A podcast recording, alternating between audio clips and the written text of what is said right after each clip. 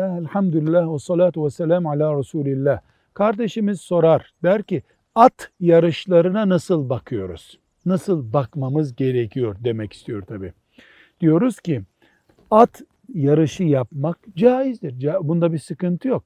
Yani ashab-ı kiram da hayvanlarını yarıştırmışlardır. Caiz olmayan şey atın üstünde kumar oynanmasıdır. Caiz olmayan şey ganyandır.